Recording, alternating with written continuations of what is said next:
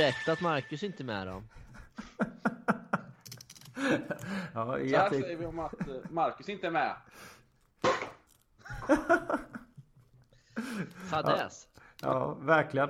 Ja, eh, här skulle jag egentligen sagt eh, hjärtligt välkomna ska ni vara till passningen. Den politiskt inkorrekta sportpodden på Svegot. Detta är avsnitt nummer 268 och jag som pratar, jag heter Henrik. Men jag fick inte riktigt chans att säga det för att jag blev lite avbruten här av eh, diverse andra filurer. Det var ju alltså Kalle och Arvid där ni hörde och det lät till och med som en eh, flaska bubbel gick av där. Stämmer det Arvid?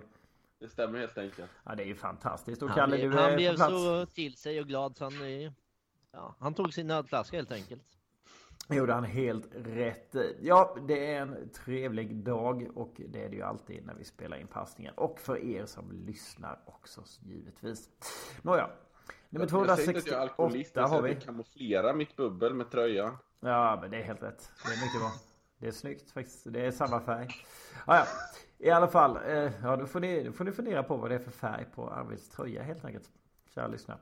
Eh, nej då. Den är inte blå i alla fall. Den är inte blå för blått bubbel hade väl varit lite sådär. eh, Det, ja. Finns det så här, finns det så här blå hallonsoda fortfarande förresten? Ja, Vasa, blå hallon. Det, det är fint det där blå. Fantastiskt. Det är bra skit. Det är bra skit. Nåja, eh, passningen ja. Podden som pratar sport och dryck. Det vet ni ju. Det är ju dock två ämnen som hör väldigt mycket ihop. Ja, det tycker vi absolut att de gör. Det tycker vi absolut att de gör. Jag förstod aldrig riktigt det här konceptet öl med Svegot. Alltså öl med Sve- Svegot har vi haft ända sedan passningen grundades. Exakt. ja, det här Ja, då, då, var det öl med motgift. Det bara, Ja, jo, det var det i och för sig. Gift med motgift. Nåja. 268 är vi på i alla fall och eh, ja, dagen till ära så är det nämligen så att 268 är det antalet slutspelsmatcher som Edmonton Oilers har spelat i NHL. Och eh, trots att Edmonton då de senaste åren de har varit i slutspel inte har varit särskilt eh, bra så är de fortfarande det laget som har bäst vinstprocent i slutspel i hela NHL-historien. 59,7% av sina slutspelsmatcher har man vunnit. Och den siffran har ju sänkts avsevärt då de eh, senaste decennierna. Eh, två decennierna ungefär. Och eh, på 80-talet hade de väl en siffra som var eh, säkert närmare 90% skulle jag tro. För att då dominerade man ju brutalt med en då ganska ung och eh, extremt producerande Wayne Gretzky i huvudrollen. Men eh, det var lite oväntad statistik som jag hittade faktiskt. Jag trodde inte att Edmonton var det laget med högst vinstprocent i slutspel. Men ja, som sagt, det, de står helt och hållet. De siffrorna bärs upp eh, brutalt av eh, det glada 80-talet. För Edmontons del. Utan snack. Nåja. Den 20 maj i alla fall så släpps ju passningen med 268. Eller ska göra i alla fall. Och eh, den 20 maj 1987 så vann IFK Göteborg Uefa-cupen för andra gången. Och åtta Det av kommer spelarna nog fortfarande kvar i truppen. och det kommer nog inte hända igen. Nej, det kommer nog inte hända igen. Jag är väl lite inne på det också. Men Jag eh, tror, jag tror inget svenskt lag kommer vinna det där igen. nej, det är väl det är väl tveksamt. Det ska Faktiskt. eh, liksom... Då, då måste vi få en stor jävla renässans i... Nej. Ja, och Alltså, det är ju det- lite för bra lag hela tiden. Även i så att säga den, den andra rankade kuppen. Det är alltså det som idag då heter Uefa-cupen. Liksom. Eller eh, Euro, Europa League. Eller vad är det det heter? Inte heter Uefa-cupen längre i alla fall. Nej, det gör det ju inte. Uefa Europa League. Ja, Ja, nej men eh, nej, det är för bra lag där, så är det ju. Ja. Eh, Malmö kommer ju inte... Det är sällan de kommer ut ur, ur gruppspelet ens liksom. Nej. Men vet man hur... eh, Nej, för jag menar det... Och det där påverkar ju jättemycket. Alltså, om man tittar, tittar man på sådana födda på... Säg mitten, slutet av 60-talet och... Och början av 70-talet och sådär. Så har du otroligt många fans där eh, till IFK Göteborg. Över hela Sverige faktiskt. i, de, eh, i den åldersgruppen. Och det kan ju inte vara en slump. Jag tror ju att det hänger extremt mycket ihop med eh, IFK Göteborgs framgångar här på 80-talet. Det är i alla fall min eh, spontana tanke kring det hela. Och jag tror att alltså det är väl lika, kanske en av anledningarna till varför det inte är det är inte riktigt lika så. Jag menar, I vissa åldersgrupper där så håller nästan alla oavsett var fan de är från i Sverige håller på IFK Göteborg. Om de inte liksom har en tydlig koppling då till sin egen, sin egen hemmaklubb eller stad sådär. Men jag, fan, jag vet ju jag vet ju stockholmare liksom födda på början av 70-talet som håller på IFK Göteborg. Liksom, så att, eh, så det, det finns verkligen och jag tror att eh, det betyder jag, jag jättemycket. Kom, jag tycker det där är konstigt egentligen. För IFK Göteborg borde vara en väldigt platsspecifik klubb. Ja. Alltså, det är ju i stort sett AIK, allmänna idrottsklubben, som borde kunna ha fans utanför. De, alla andra är ju egentligen ganska platsspecifika. Ja. Men alla Stockholmslag har ju blivit liksom allmänna gods där någonstans. Och tydligen är även IFK Göteborg. Jag tycker det är lite tråkigt. Ja, jag tycker också det är tråkigt. Jag tycker man mer och mer ska supporta sina lokala lag. Och, eh, men i alla fall. Det här med, det här med IFK är nog... Det är nog helt enkelt bara så att de var ju... På den tiden så var de väl egentligen det enda svenska laget. Visst, vi hade väl Malmö FF. Eh, tog väl faktiskt någon Uefa-cup med, gjorde de inte det? Någon gång där, eller lite tidigare. Men, men det, det är ju inte så att folk här uppe här i Stockholm går och hejar på Malmö FF. Jag vet en, men det är en jävligt märklig människa som alltid gjort det, som är från Eskilstuna liksom. Men det... ja, det förklarar allt. ja, men, men alltså i övrigt, nej. Det, det är ju inga som gör det, för att de vinner. Ja. Nej, det, det, var nog väl lite vanligare för Sen tror jag att, att säga, IFK Göteborg på den tiden Det var väldigt många Väldigt många i IFK Göteborg var också delar av svenska landslaget Och jag tror att det påverkar mycket faktiskt ja. Det var lite Det var lite Sverige som spelade utomlands när IFK Göteborg gjorde det Så det tror jag fick många fans till dem så på sätt och vis. Och sen var det väl lite så, man, det var väl inte särskilt jättemycket, jag menar med eh, så att säga europeisk eh, toppcupfotboll på, på tv och sådär. IFK Göteborg var nog ett av de alternativen så att säga som fanns då. Så att mm. eh, jag tror att sånt påverkar ganska mycket. Men eh, det är tydligt i alla fall tycker jag bland de jag känner i de där ålderskategorierna att eh, där är det väldigt mycket IFK Göteborg supportrar faktiskt. Från, ja, från hela Sverige. Nåja, den 20 maj också 2019 var det en lite sorgligare dag. Då avled en av de mer profilerade Formel 1-förarna i historien. Nämligen eh, den österrikaren Niki Lauda. En av de här eh, riktigt klassiska namnen ju inom F1-sporten, Kalle. Ja, verkligen. Eh, jag, jag vet inte jättemycket. Alltså, man har ju alltid hört namnet och han var ju aktiv nästan fram till döden också. Jag tror han var i Ferraris team och hjälpte dem sista tiden om jag minns rätt.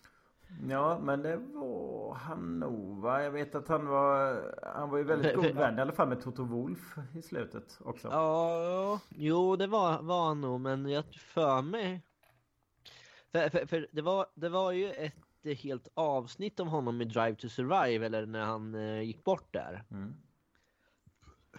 Jag vill minnas, jag, jag, jag, kan ha fel att han körde att han var, skulle hjälpa Ferrari sista tiden. Men jag kan ha fel.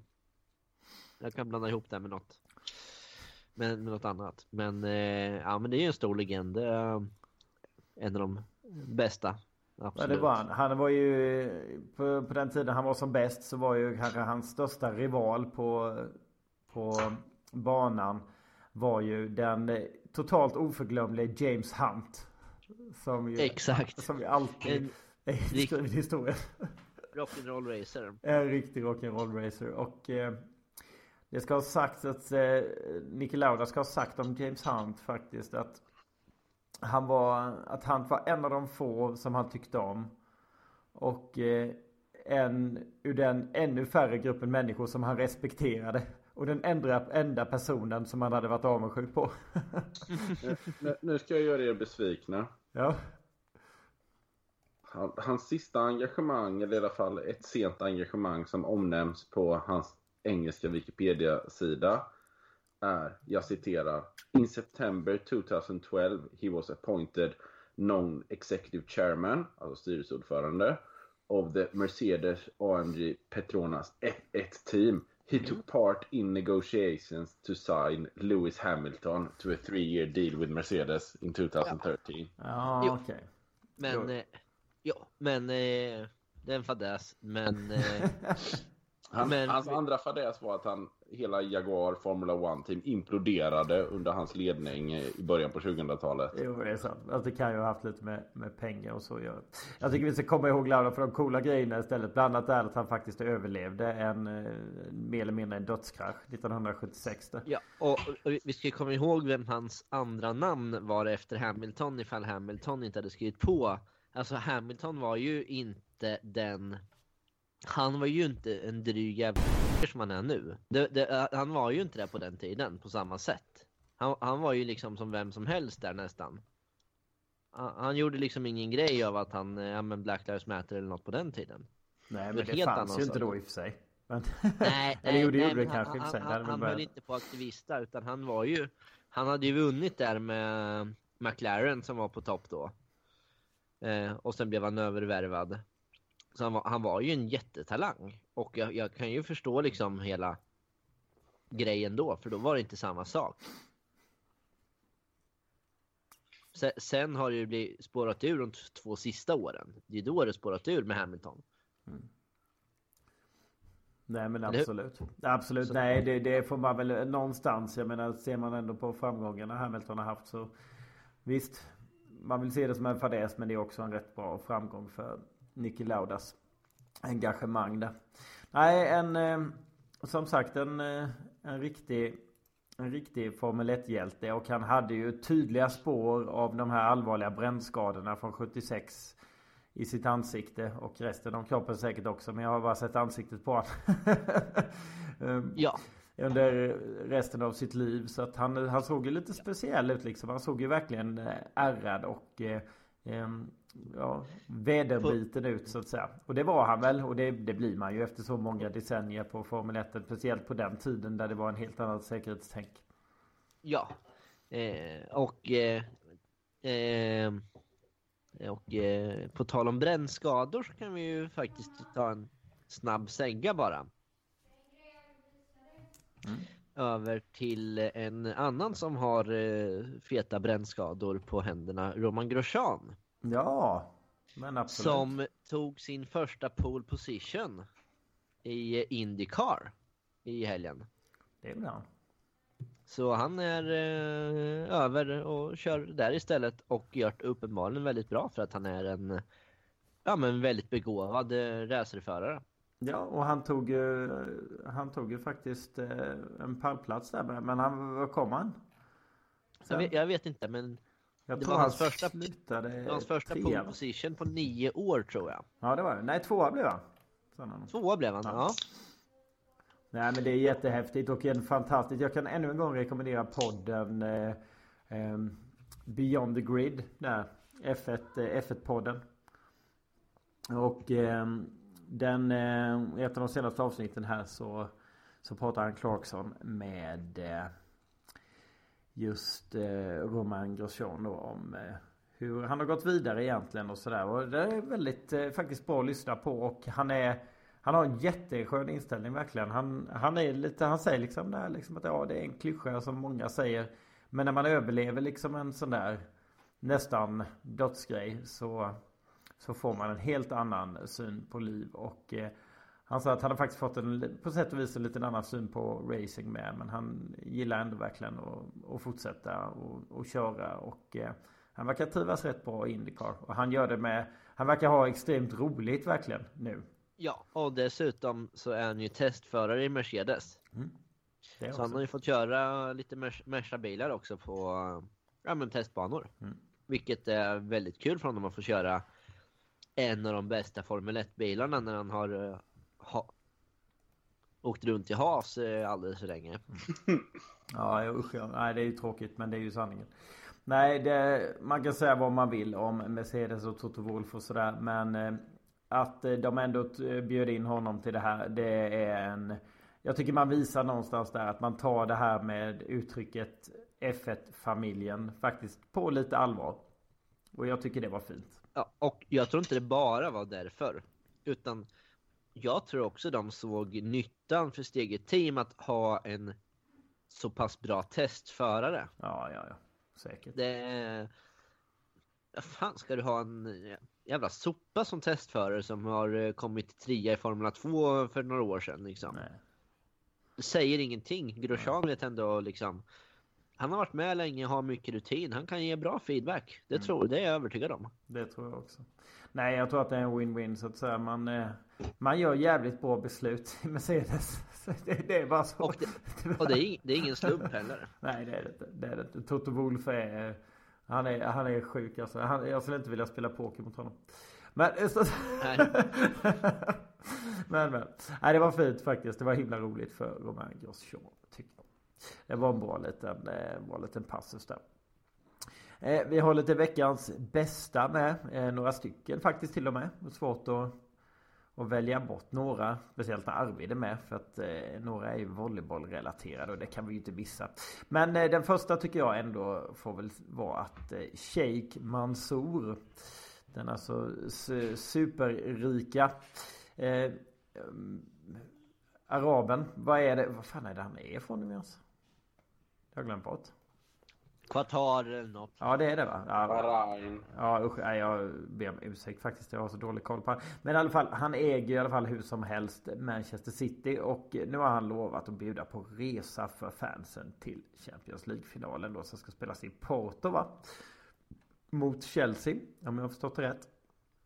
Och eh, man får, eh, som jag har förstått det så ska det vara 6000 eh, så att säga biljetter då per lag tilldelat. Och eh, så 6000 fans då från Manchester City ska väl han då pynta resa för. Jag antar att det inte är så blodigt för honom att göra det. Men det är ändå en rätt fin gest någonstans. Alltså säga vad man vill om den moderna fotbollen men den, ger, den kan ju ge möjligheter för sånt här. Sen är det ju få ägare som gör det. Jag har rätt svårt att se att eh, Roman Abramovic skulle göra samma sak i Chelsea-fansen.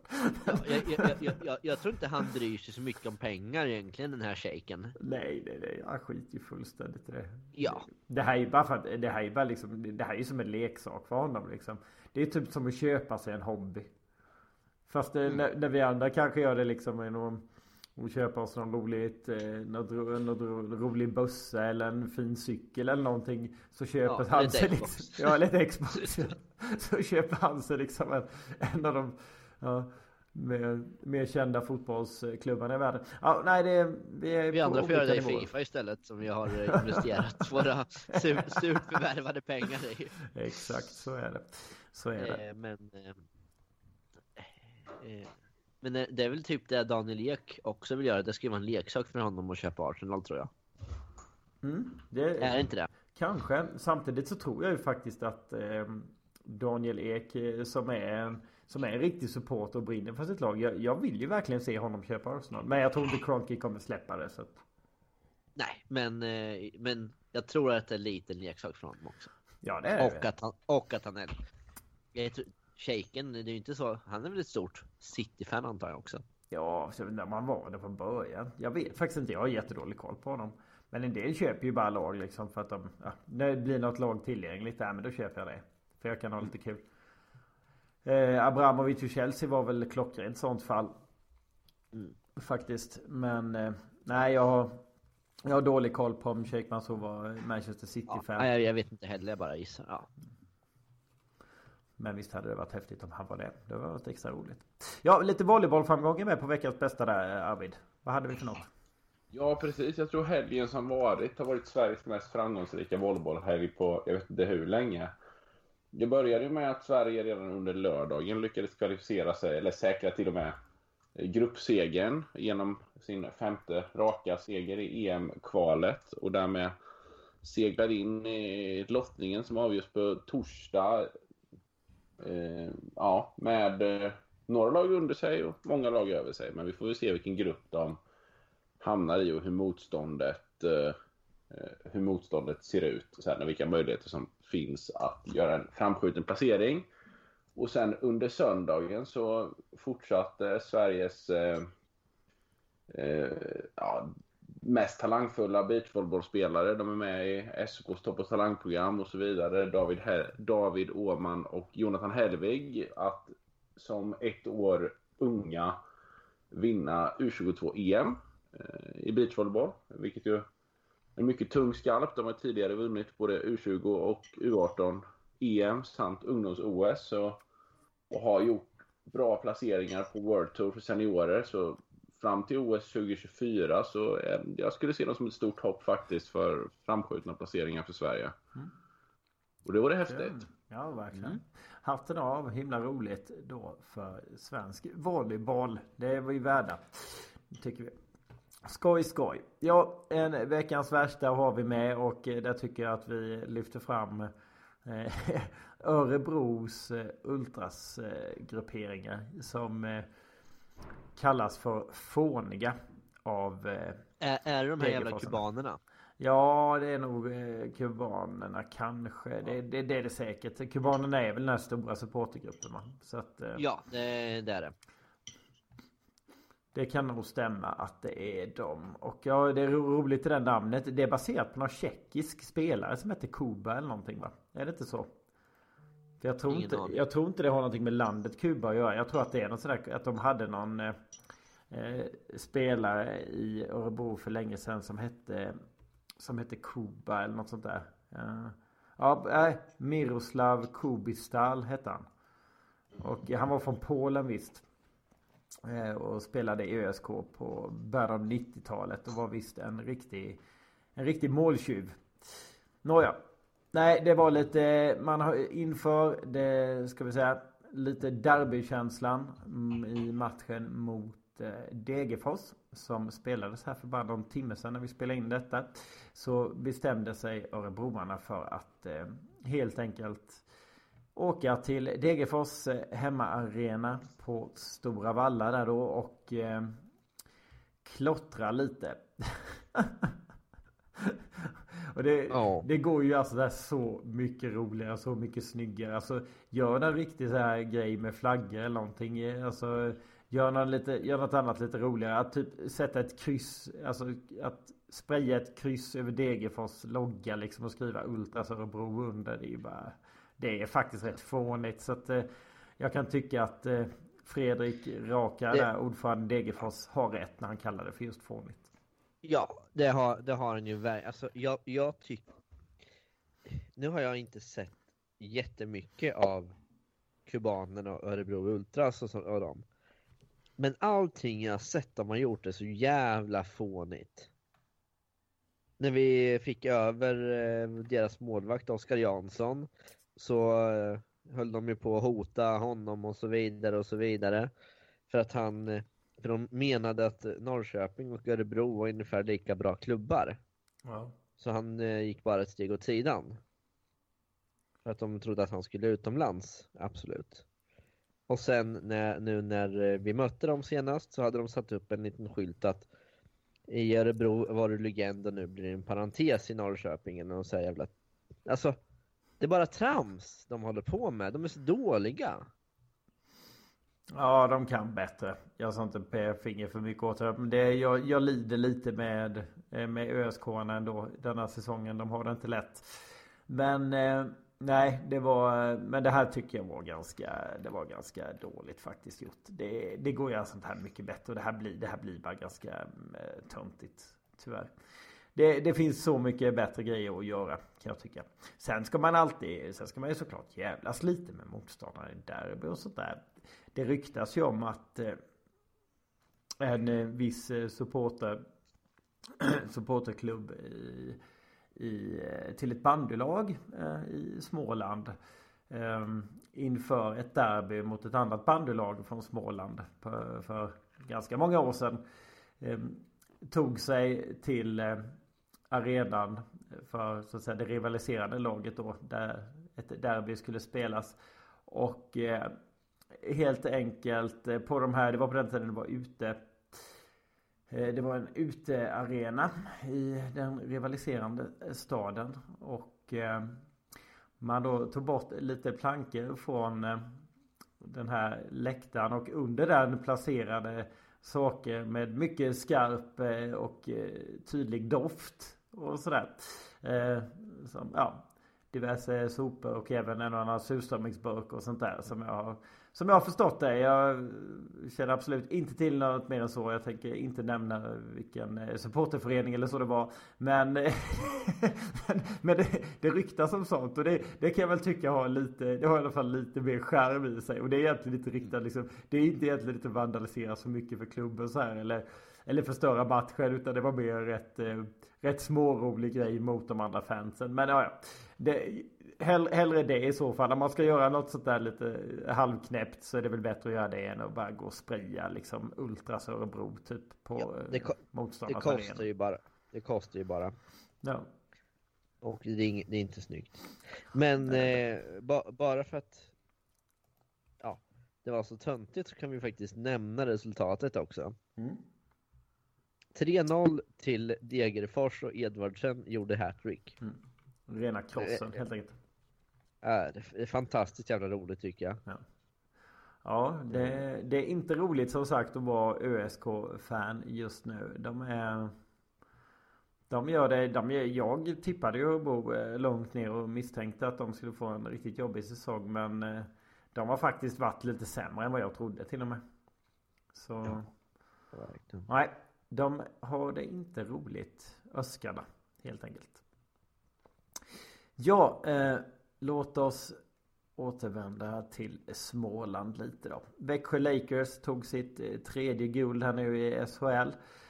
På endast nio säsonger faktiskt. Man har varit i tre finaler under de nio säsongerna. Man har inte förlorat en enda av de finalerna. Det är rätt bra. Kan man ju säga minst sagt. Och eh, man, eh, man känner lite då. I tidigare så var det ju verkligen. Det var HV som var Smålands stolthet i ishockey. Är inte riktigt så nu va Arvid?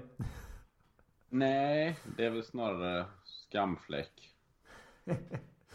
ja, det har ju blivit så. Växjö, Växjö är ju utan snack nu liksom. Det är, det är ju Smålands stora hockeylag. Det, det, har de ju något sätt förtjänat, den, det epitetet. Men det är ganska intressant. För att här snackar vi ändå om ett lag som för bara... Ja, vad får vi gå tillbaka? Visst, det är väl bara det är väl ändå 30 år sedan. Men ett lag som faktiskt var i, var i konkurs och fick börja om liksom i division 5. Oj. Så alltså så långt ner du kunde komma på den tiden egentligen.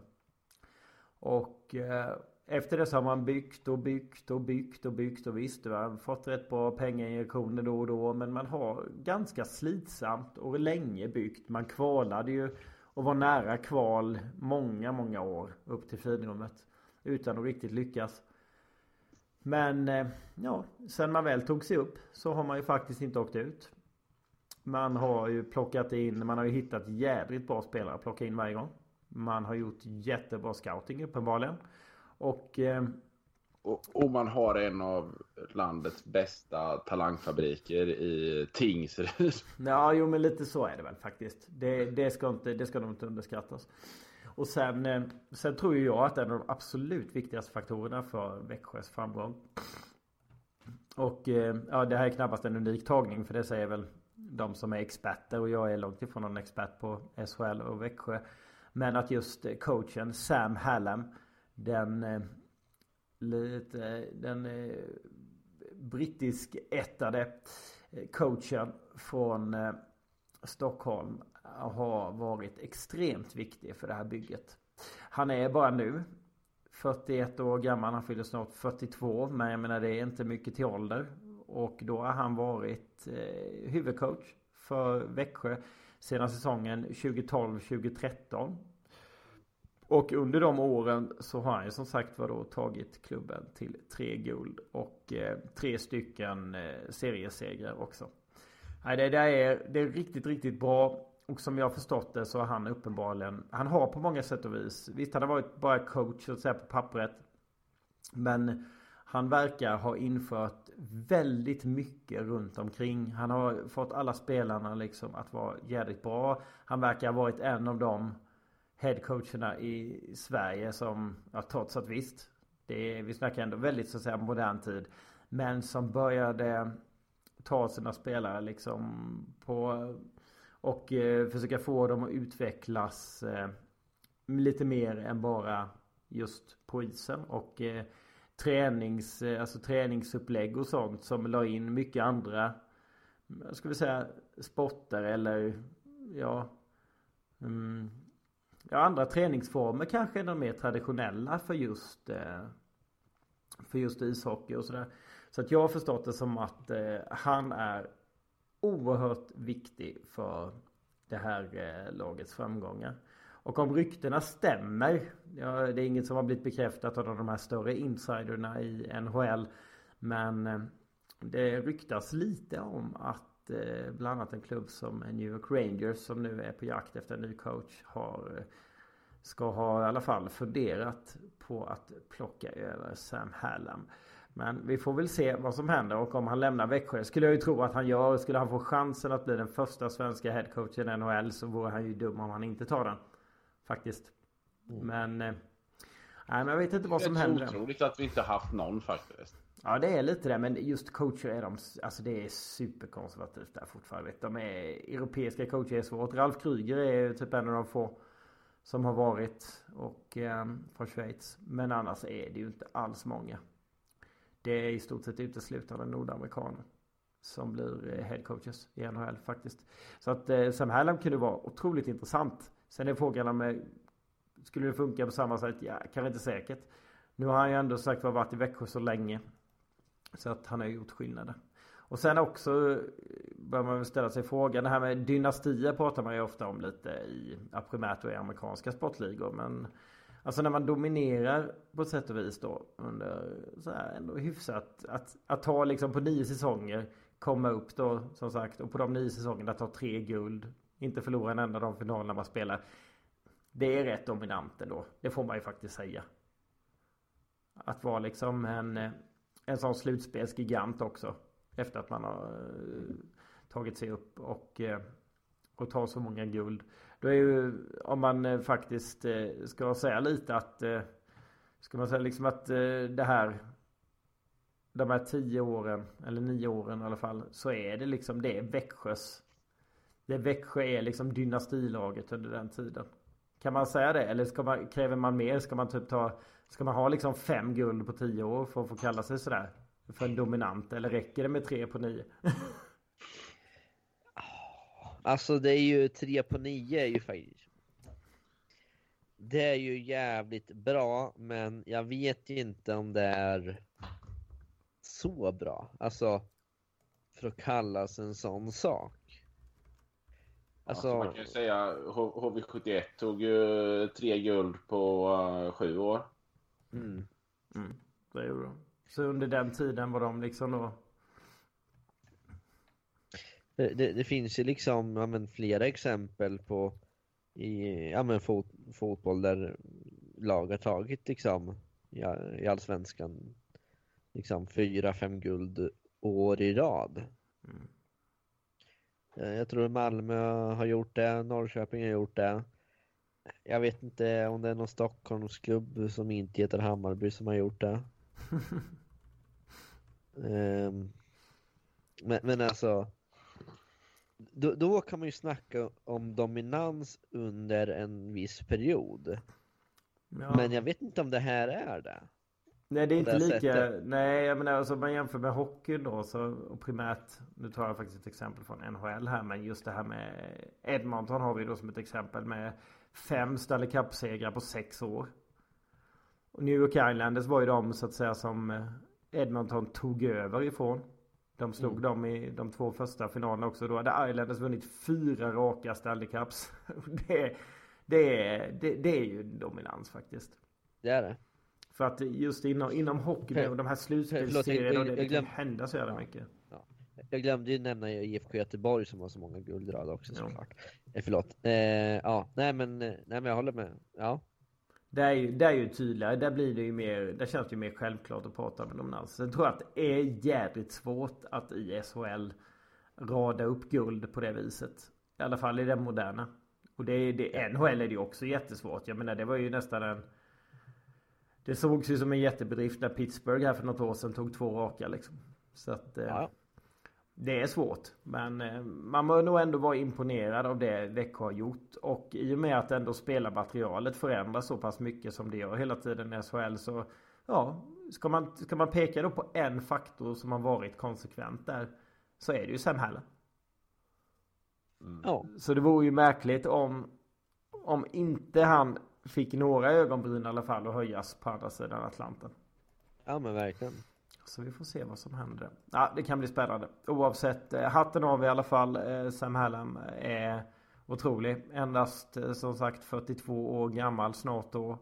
Och har redan tre guld som huvudcoach. Och det är löjligt. Det är löjligt bra redan. Det går inte säga. Vi, vi, vi, kan återvända, för att hitta dominans kan vi återvända till volleybollsporten. Mm. Där eh, vann ju Lidingö SK 16 raka SM-guld mellan 66 och 81. Och eh, Sollen, på herrsidan och på damsidan vann Sollentuna 14 raka i guld mellan 75 och 88. Ja, ja. ja mm. det, är, det är tungt också. 14 till 88 så det, ja. ja det är bra. Det är riktigt och, bra. och sen har du ju Sävehofs handbollsdamer. Åtta raka ja. SM-guld på, mellan 2009 och 2016. 95 raka vinstmatcher under den perioden. Där talar vi ju dominans. Jo, men det, det där är ju egentligen extrem exempel också. Ja, ja, naturligtvis. Jag hade inte tagit upp dem annars. Nej. Alltså, vi kan tänka dominans. Ja, men alltså. Ja, jag, jag, jag, jag håller nog med. Liksom fem, fem på tio år, då kan vi nog snacka. Men tre på nio. Ja, jag, um, det är liksom var tredje år ändå. Man tar guld då. Det är bra som fan men mm. det är inte Det är inte liksom Det är inte fyra, fem raka. volleybollen. Nej. nej, det är det Nej, jag håller med. Nej men alltså fyra, fem raka eller alltså. Nej, nej jag, jag håller faktiskt med. Det väger tyngre om man tar den på raken. Det gör verkligen det. Det gör, det gör. Hade de tagit de här tre raka så hade det varit en annan femma. Jag tycker också det faktiskt. Men eh, det går inte att säga annat än att de har blivit på de här nio säsongerna ett av SHLs absolut bästa lag i alla fall. Det är ju väldigt tydligt och klart. Ja, det är dags i helgen, Kalle, för eh, en av de, eh, ja, för många, det kanske viktigaste racet på hela F1-säsongen. Den, mm. Det är mycket speciella och alltid lite, lika omtalade och omsusade och eh, legendariska Monacos Grand Prix. Mm. En av de absolut roligaste sakerna där det måste jag ändå säga McLarens bil. Ja, den här retrobilen man kör med ja. Ja, alltså den är så jävla snygg. Man, man, eh, man har gjort en eh, ett special livery för just den här tävlingen för att fira någon form av samarbete i x antal år med Gulf. Mm. Och det är så jävla retrosnyggt. Deras bil är ju kanske den snyggaste normalt sett men alltså ja. det här var ju Jag vet inte vad man ska, hur man ska Nej, det är löjligt. Det här, alltså det här ora skarpa orangea och sen det här babyblåa. Egentligen så är det ju en färgkombination som är, bara sticker i ögonen. Men den blir ju så, precis som med Gulfloggan som är så jädra mm. snygg på sätt och vis just för att den är lite rundad så här. Så Exakt. blir ju just, och när det här kommer upp på en, på en racingbil. Jädrar ja. vad snyggt det blir. Ja, ja, verkligen. Jag tycker de borde ha den alltid. Ja, det, ja, det tycker jag också. Jag tycker det också helt klart. Jag tycker det är supersnyggt. Och, och dräkterna liksom förarna kommer ha med och sådär ju. På det här ja. racet. Eh, I just de här färgerna och det. Alltså det är så jävla snyggt. Vi får hoppas helt enkelt att eh, de vinner. Ja, nej men eh, Monaco är ett väldigt speciellt race. Stadsrace. Eh, eh jag vill minnas att man eh, jag, jag, jag, vet inte hur man kommer döpa däcken i år, men det var något år man körde på Soft var de hårdaste däcken då. Som var Hypersoft och Supersoft och Soft. Mm. jag vet inte om man kommer döpa dem till Soft, Medium och Hard fast eh, motsvarande gummiblandningar för att köra på vanliga medium, det går inte där. Det mm. går bara inte. Soft, det går inte. Det, det, är liksom för skarpa kurvor på uh, ja, och för tajta kurvor för att det ska kunna gå. Aldrig de här höga hastigheterna. heller är riktigt. klart. Hur kort är banan med? Det, det är väl en kortare eller? Har jag fel? Oj, det, har jag, det vet jag inte på rak arm faktiskt. Men eh, alltså det, det som är med Monaco, det kanske inte är alltid de absolut roligaste racen. Det kanske inte är de här fantastiska häftiga racen när man får se däck mot däck och sådana saker riktigt. Nej. Det är det inte. Nej. Utan det är väl snarare hela grejen runt att du körs mitt i en stad. Det kommer in så jävla mycket människor. Det är människor överallt som bara åker dit för att festa och se racet. Det är kändisar, det är... eh, Ja men alltså det, det, alltså, det, är det är allting runt omkring liksom som har blivit en grej. Ja, nej men så är det ju. Alltså hårnålen, tabakkurvan. Det är ju liksom... Det, Ja. det, visst, den som är väldigt eh, racingintresserad kan ju såklart eh, kända kurvor på många andra banor också. Men just det, säger man tabak. Så eh, Ja. varenda människa som har sett Formel 1 någon gång vet ju lite vad man pratar om då. Ja, ja men exakt, exakt. Så. Och det, är- det är ju coolt. Det är ju faktiskt en... eh, Det ger ju en känsla till det. Och det är... Ja, men förvånansvärt ändå att få allvarliga olyckor och så va? Som Ja, men det, du, du, det är väl för att du inte kommer upp i de här hastigheterna kanske. Mm, mm. Skulle jag gissa. Jag gissar, jag, jag vet inte om det är så men Jag vet inte vad maxhastigheten är på den där banan men det kan inte vara Det måste ju vara den absolut i särklass långsammaste banan. Ja.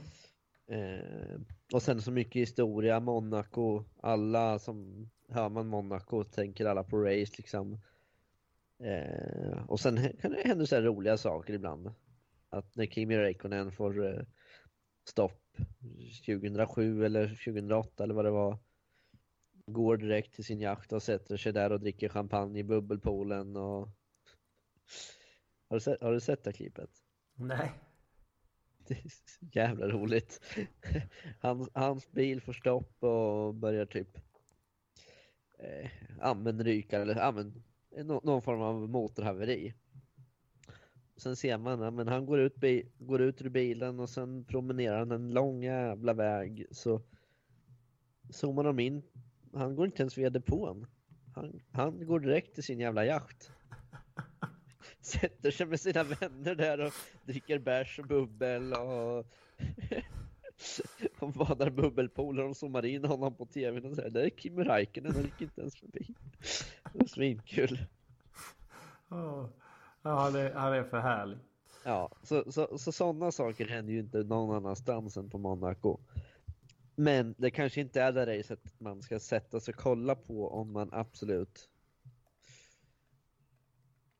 ja, vill ha um, det bästa racet tekniskt och tätaste racet. Det är det ju inte. Nej.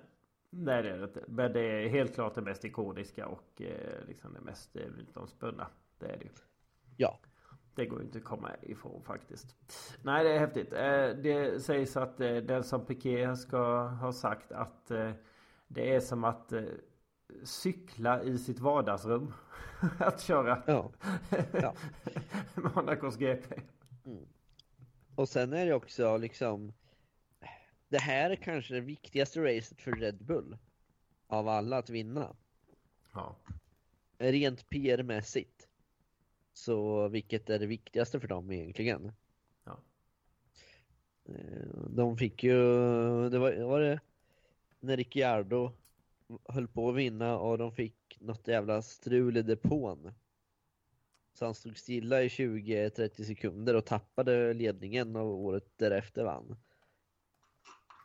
Alltså vi- vinner du Monaco, du har säkrat din framtid för nästa år då. Det, det har den statusen liksom. Inte bara i Red Bull men det är nog viktigast där om något. Mm. Ja men det kan jag Det kan jag faktiskt tänka mig. Ja men vad, vad tror du om det? Får du ge en liten eh, En liten gissning. Hur tror du det kommer sluta? Alltså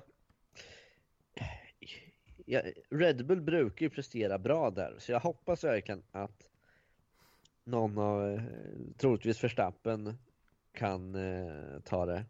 Men eh, jag hoppas också att Sergio Perez gör ett riktigt bra race och visar att han kan slå Bottas. Och eh, så han får hjälp där eh, av Perez. Mm. Men eh, ja. Även om det absolut vore roligast om det var en McLaren som vann, såklart. Det vore eh, speciellt med den. Låt, låt oss unna Lando Norris. Ja, Ja, jag tycker det. Vi, vi håller hårt på Lando Norris här nu då. Inför Inför söndagen. Nej, det ska bli riktigt häftigt att se i alla fall. Hur som helst. Nåja. Det var det om det. Ehm, Det har ju också tagits ut en EM-trupp här idag, tisdag, när vi spelar in. Och eh, Janne har valt nu vilka som ska få vara med i, i Europamästerskapet i fotboll. Det blir ingen Zlatan kan vi konstatera då. Inte på grund av... skadad? Ja, han sägs ju vara det och han eh, behövde rehabba till slutet av juni. Mm, då är ju frågan, skulle man kanske plockat han ändå? Det verkar som att det har varit någon form av faktiskt ett beslut från Zlatan själv att inte då delta i EM. Att inte göra sig uttagningsbar så att säga. Tacka nej helt enkelt. Ja, och det kanske är rimligt utifrån hans synvinkel också. Att han vill inte ta upp en plats i laget för de andra för att han kanske ska få spela en match och trycka ut någon annan som har gjort en riktigt bra riktigt Ja. bra EM. Tror, du Ja, att det, tror att det är detta då? Men det, det är ganska nobelt i så fall av Zlatan. Eller är det så att han märkte när han var hos Janne att fan här är det verkligen helt annorlunda. Jag, jag kan inte riktigt vara det, den här dryga Zlatan jag varit tidigare. Så nej, då vill jag inte vara med mer. Eller är jag, är jag, är jag lite för elak då? Men jag tror att det kan vara så. jag, jag, jag är övertygad om att han, jag tror han hade varit med om han inte hade varit skadad. Det tror jag Ja, faktiskt. nej det gör faktiskt jag med. Jag tänkte bara ge något annat perspektiv på det. Men jag, jag tror också att det är så faktiskt. Det gör jag. Han, eh, han känner nog det. Och eh, sex veckors rehab liksom då planerat. Ja, han är, vi ska inte glömma det, han fyller 40 i oktober. Så att eh, det är ingen ungdom längre. Zlatan Ibrahimovic. Så att eh, de här sex veckorna kan nog lika gärna bli åtta veckor. Ja, Tänker jag. Och det är nog det han känner faktiskt. sannolikt ja. Exakt. Så Ja. lite, men faktiskt. Jag trodde inte jag skulle tycka att det var tråkigt att Zlatan tackade nej till landslaget. Men på sätt och vis gjorde jag lite det nu. För han, han hade ändå, han kom in och var ju en helt annan det är faktiskt en annan karaktär i de här matcherna vi såg i mars-april där, när det var. Han, han passade väldigt bra i anfallet tillsammans med Alexan- Alexander Isak. De kompletterar varandra bra. De gjorde faktiskt det. Zlatan är perfekt target och Isak löper på varenda boll liksom. Mm. Det, Så ja. nästan, nästan hälften så gammal som Zlatan. ja, lite så. Men vi har fått lite in, eh, ska vi ta, vi, vi, vi kommer ju släppa ett specialavsnitt om EM där vi sitter och dricker, dricker alkohol och går igenom lag för lag. Ja. Men vi kan ju ta snabbt, är det några utropstecken i truppen? ja, det blev ett nu tycker jag. Mm, jag vet två. Ja lite, okej jag skulle lite säga Jag tycker inte man behövde ha med Martin Olsson på backsidan Men skitsamma Och Ja. sen eh, Sen så är ju faktiskt ett annat utropstecken På sätt och vis får väl vara Jordan Larsson Som vi gärna ville ha med Tidigare Ja. har vi ju pushat för honom här i passningen Och eh, himla kul att se att han nu Fick en plats Det kanske var Zlatans plats han fick Det kan mycket väl vara så. Men eh, jag menar, han kom trea i, eh, rysk, i ryska skytteligan på 15 mål. Marcus Berg i samma liga gjorde 9 mål. Mm. Och Jordan ryktas om till större klubbar i Europa än eh, Spartak Moskva. Det har ju ryktats nu ett tag om att han är på väg till Dortmund. Eh, antagligen för att ersätta Haaland då. va? Mm. Men alltså ha- han är riktigt bra nu och jag hoppas verkligen att han får speltid och visa att han är han ska vara där framme med Isak. Jag hoppas det verkligen. Eh, sen vet jag inte hur pass de kommer komplettera varandra om båda är löpare eller om Jordan är mer en target. Det vet jag faktiskt inte riktigt. Faktiskt inte ihåg hur han på det sättet. Men eh, ja. Eh, men det finns en annan också. Pierre Mm. Bengtsson blev petad, vänsterbacken. Ja, just det. Det blev han. Eh, vilket jag tycker är lite förvånande för vad har... Då är det på bekostnad av Martin Olsson då? Ja, eller eh, Andreas Granqvist. Ja, om man väljer att se det så. Ja. Men jag tänker Ja, Martin men- Olsson är just vänsterback med ju. Jo, men, Så. vi, vi, ja, men eh, Martin Olsson kan ju vara både mi, mittback och vänsterback. Jag vet inte vad, han är kanske tänkt som vänsterback, det kanske han är.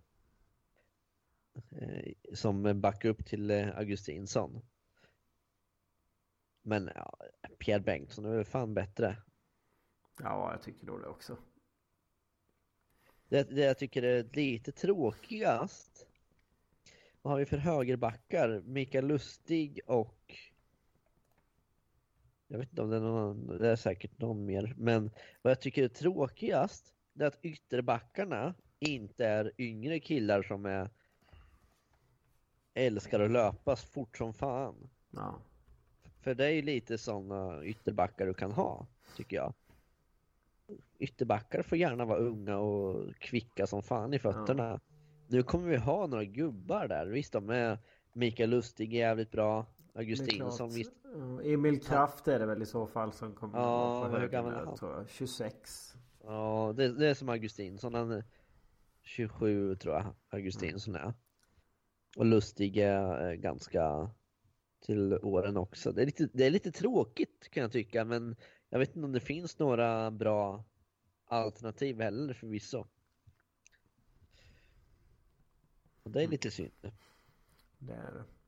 Det är det. Nej men annars som sagt en eh, hyfsat eh, väntad trupp och vi får väl ta och bita lite mer i den vad det lider. Men ja, tittar man bara på pappret så är det ju svårt och eh, i alla fall känna att det här laget kommer vinna EM. Så kan vi väl säga. Men att, de, eh, de kommer inte göra bort sig heller. tror jag inte. Jag tror inte att ett landslag någonsin under Jan Andersson kommer göra bort sig. Nej, det tror inte jag. Men alltså jag tycker vi har ganska bra spelare på varje position, det tycker jag. Mm. Men eh, Ja, det är helt okej. Men det är ju ingen, det är inget guldlag. Nej, absolut inte. Det är det inte. Nej, man kommer säkert gå vidare från eh, gruppspelet. Det, det tror jag nog, men det slutar nog där. Det tror jag med att det gör. Ja, ja, skitsamma. Vi får se hur det går där. Det blir spännande i alla fall. Kul i alla fall att vi har en trupp och ja, faktiskt lite tråkigt med en missad Zlatan. Arvid, jag vet att du är extremt taggad på att prata NHL-slutspel här nu. Jag noterar precis att min, eh, mitt batteri gick ner på 18% och en grön flagga kom upp. Och det är flera meter till min kabel här. Vad säger du? Eh, Kalle, vi börjar närma oss timmen här. Eh, Jag tycker Ja, faktiskt att vi jag- bryter då av den enkla anledningen att eh, det här, eh, ett, ett segment om NHL-slutspel ser jag väldigt mycket fram emot. Men det är lite läckare, lättare om Marcus är med för att han är ju precis som jag lite mer intresserad av NHL. Och eh, sitta och hålla en monolog här nu med er eh, som bara sitter och tittar på mig med döda blickar. Nej, det pallar inte jag.